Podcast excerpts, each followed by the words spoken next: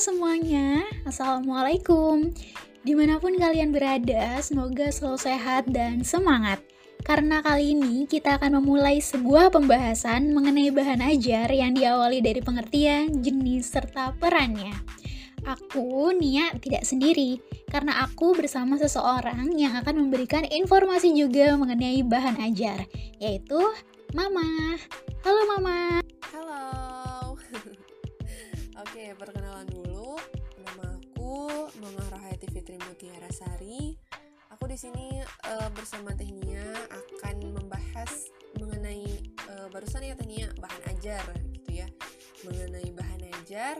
Nah, buat uh, para pendengar jangan skip uh, podcast ini karena temanya itu sangat-sangat uh, luar biasa dan semoga bisa bermanfaat ya.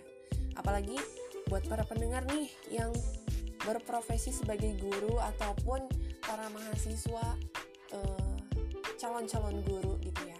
Itu tuh penting buat buat uh, mendengarkan podcast kita. Oke, langsung aja yuk ke pembahasan pertama. Kalau sejauh yang Mama tahu, bahan ajar itu apa sih? Oke, berbicara tentang bahan ajar ya, pengertian bahan ajar.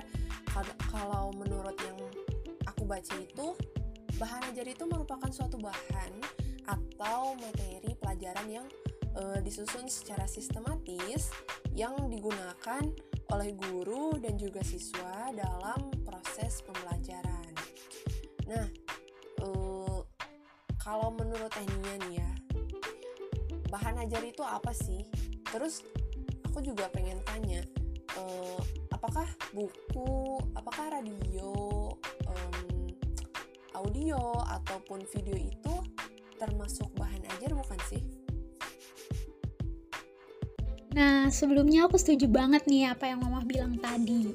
Dan mengenai buku, audio, dan video, apakah itu termasuk bahan ajar? Ya, itu termasuk bahan ajar. Apalagi ya di zaman sekarang yang serba digital ini, bahan ajar itu tidak hanya berupa tulisan pada buku atau lembaran kertas gitu ya, tapi juga bisa dikemas menjadi audio maupun video. Nah, tapi biasanya kalau di dunia pembelajaran, audio dan video itu erat kaitannya dengan media. Sehingga kita jadi bingung nih, ini tuh bahan ajar atau media bukan sih gitu kan. Nah, kalau menurut Mama nih, gimana sih cara kita membedakan mana yang bahan ajar? Berbicara tentang cara membedakan bahan ajar dan bukan bahan ajar. Nah, kita balik lagi nih Tania ke pengertiannya bahwa bahan ajar itu merupakan suatu bahan atau materi yang disusun secara sistematis. Nah, sistematis di sini berarti bahan ajar ini itu uh, memiliki pedoman, memiliki pedoman tertentu, baik itu pedoman siswa dan juga pedoman guru. Nah, pedoman ini berguna untuk mempermudah siswa maupun guru untuk menggunakan bahan ajar yang telah dikembangkan. Terus, um, bahan ajar ini itu sangat unik dan spesifik tehnya. Unik ini artinya bahan ajar itu hanya digunakan untuk audiens tertentu dalam suatu proses pembelajaran tertentu dan spesifiknya yaitu isi bahan ajar ini itu dirancang sedemikian rupa hanya untuk mencapai tujuan tertentu dari audiens tertentu. Nah, audiens di sini otomatis yaitu seorang siswa. Dan gimana sih cara bedain yang bukan termasuk bahan ajar? Nah, boleh kita nih temuin atau kita uh, dengar ataupun lihat di uh, pasaran, buku-buku yang ada di pasaran. Nah, apakah dilengkapi dengan pedoman untuk guru? Apakah menyebutkan untuk siapa bahan ajar itu uh, bahan itu dikembangkan? Terus prosedurnya seperti apa? Terus cara pemanfaatannya itu seperti apa? Nah, itu tuh yang ada di pasaran tuh kurang jelas gitu. Tertujunya itu kepada siapa? Nah, sedangkan uh, bahan ajar ini itu spesifik, unik dan spesifik. Artinya untuk audiens tertentu dan uh, memiliki tujuan tertentu gitu. Artinya audiens di sini yaitu uh, tertuju kepada siswa seperti itu. Lalu nih tehnya berbicara tentang bahan ajar itu tuh tidak akan lepas dari jenis-jenisnya. Nah, kalau menurut Tehnia nih, jenis-jenis bahan ajar itu ada apa aja sih? Oke, mengenai jenis bahan ajar, menurut Ajar dan Sosial pada tahun 2019 bahwa yang membedakan bahan ajar itu adalah dua jenis ya, bahan ajar cetak dan bahan ajar non cetak. Contoh dari bahan ajar cetak ini meliputi handout, buku, modul, brosur, sampai lembar kerja siswa. Sedangkan bahan ajar non cetak ini seperti yang tadi sudah disebutkan, ada juga audio, video, sampai multimedia interaktif. Nah, bahan ajar ini kan memiliki peran gitu ya mah dalam masing-masing memiliki perbedaan gitu misalkan peran bahan ajar bagi guru berbeda, peran bahan ajar bagi murid berbeda, dan peran bagi pembelajaran itu pun berbeda gitu. Nah, kalau menurut Mama nih, apa sih peran bahan ajar bagi seorang guru?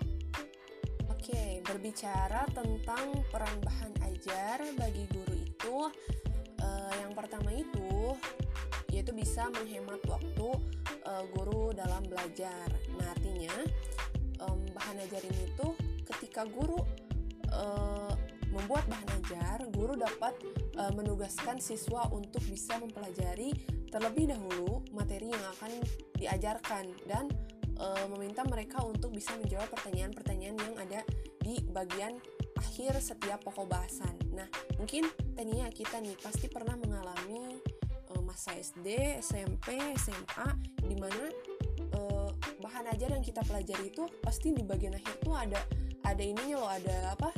kayak semacam soal-soal kayak PG, esai. Nah, itu tuh uh, bahan ajar ini tuh uh, berperan sebagai uh, bahan gitu ya. Jadi nanti tuh guru tuh menugaskan mereka untuk mengerjakan itu dan mereka mengeksplor sendiri materi-materi uh, yang sedang dibahas dan uh, ketika setibanya di kelas jadi si guru ini tuh tidak menjelaskan lagi semua materi pelajaran yang uh, sedang dibahas tetapi hanya membahas materi-materi yang belum pernah diketahui oleh siswanya. Jadi uh, itu tuh termasuk uh, menghemat waktu guru dalam belajar. Jadi perannya itu peran bahan ajar itu seperti itu. Lalu yang kedua e, mengubah peran guru dari seorang pengajar menjadi seorang fasilitator. Nah, di sini guru itu tidak hanya berfungsi sebagai pengajar, tetapi juga berfungsi sebagai fasilitator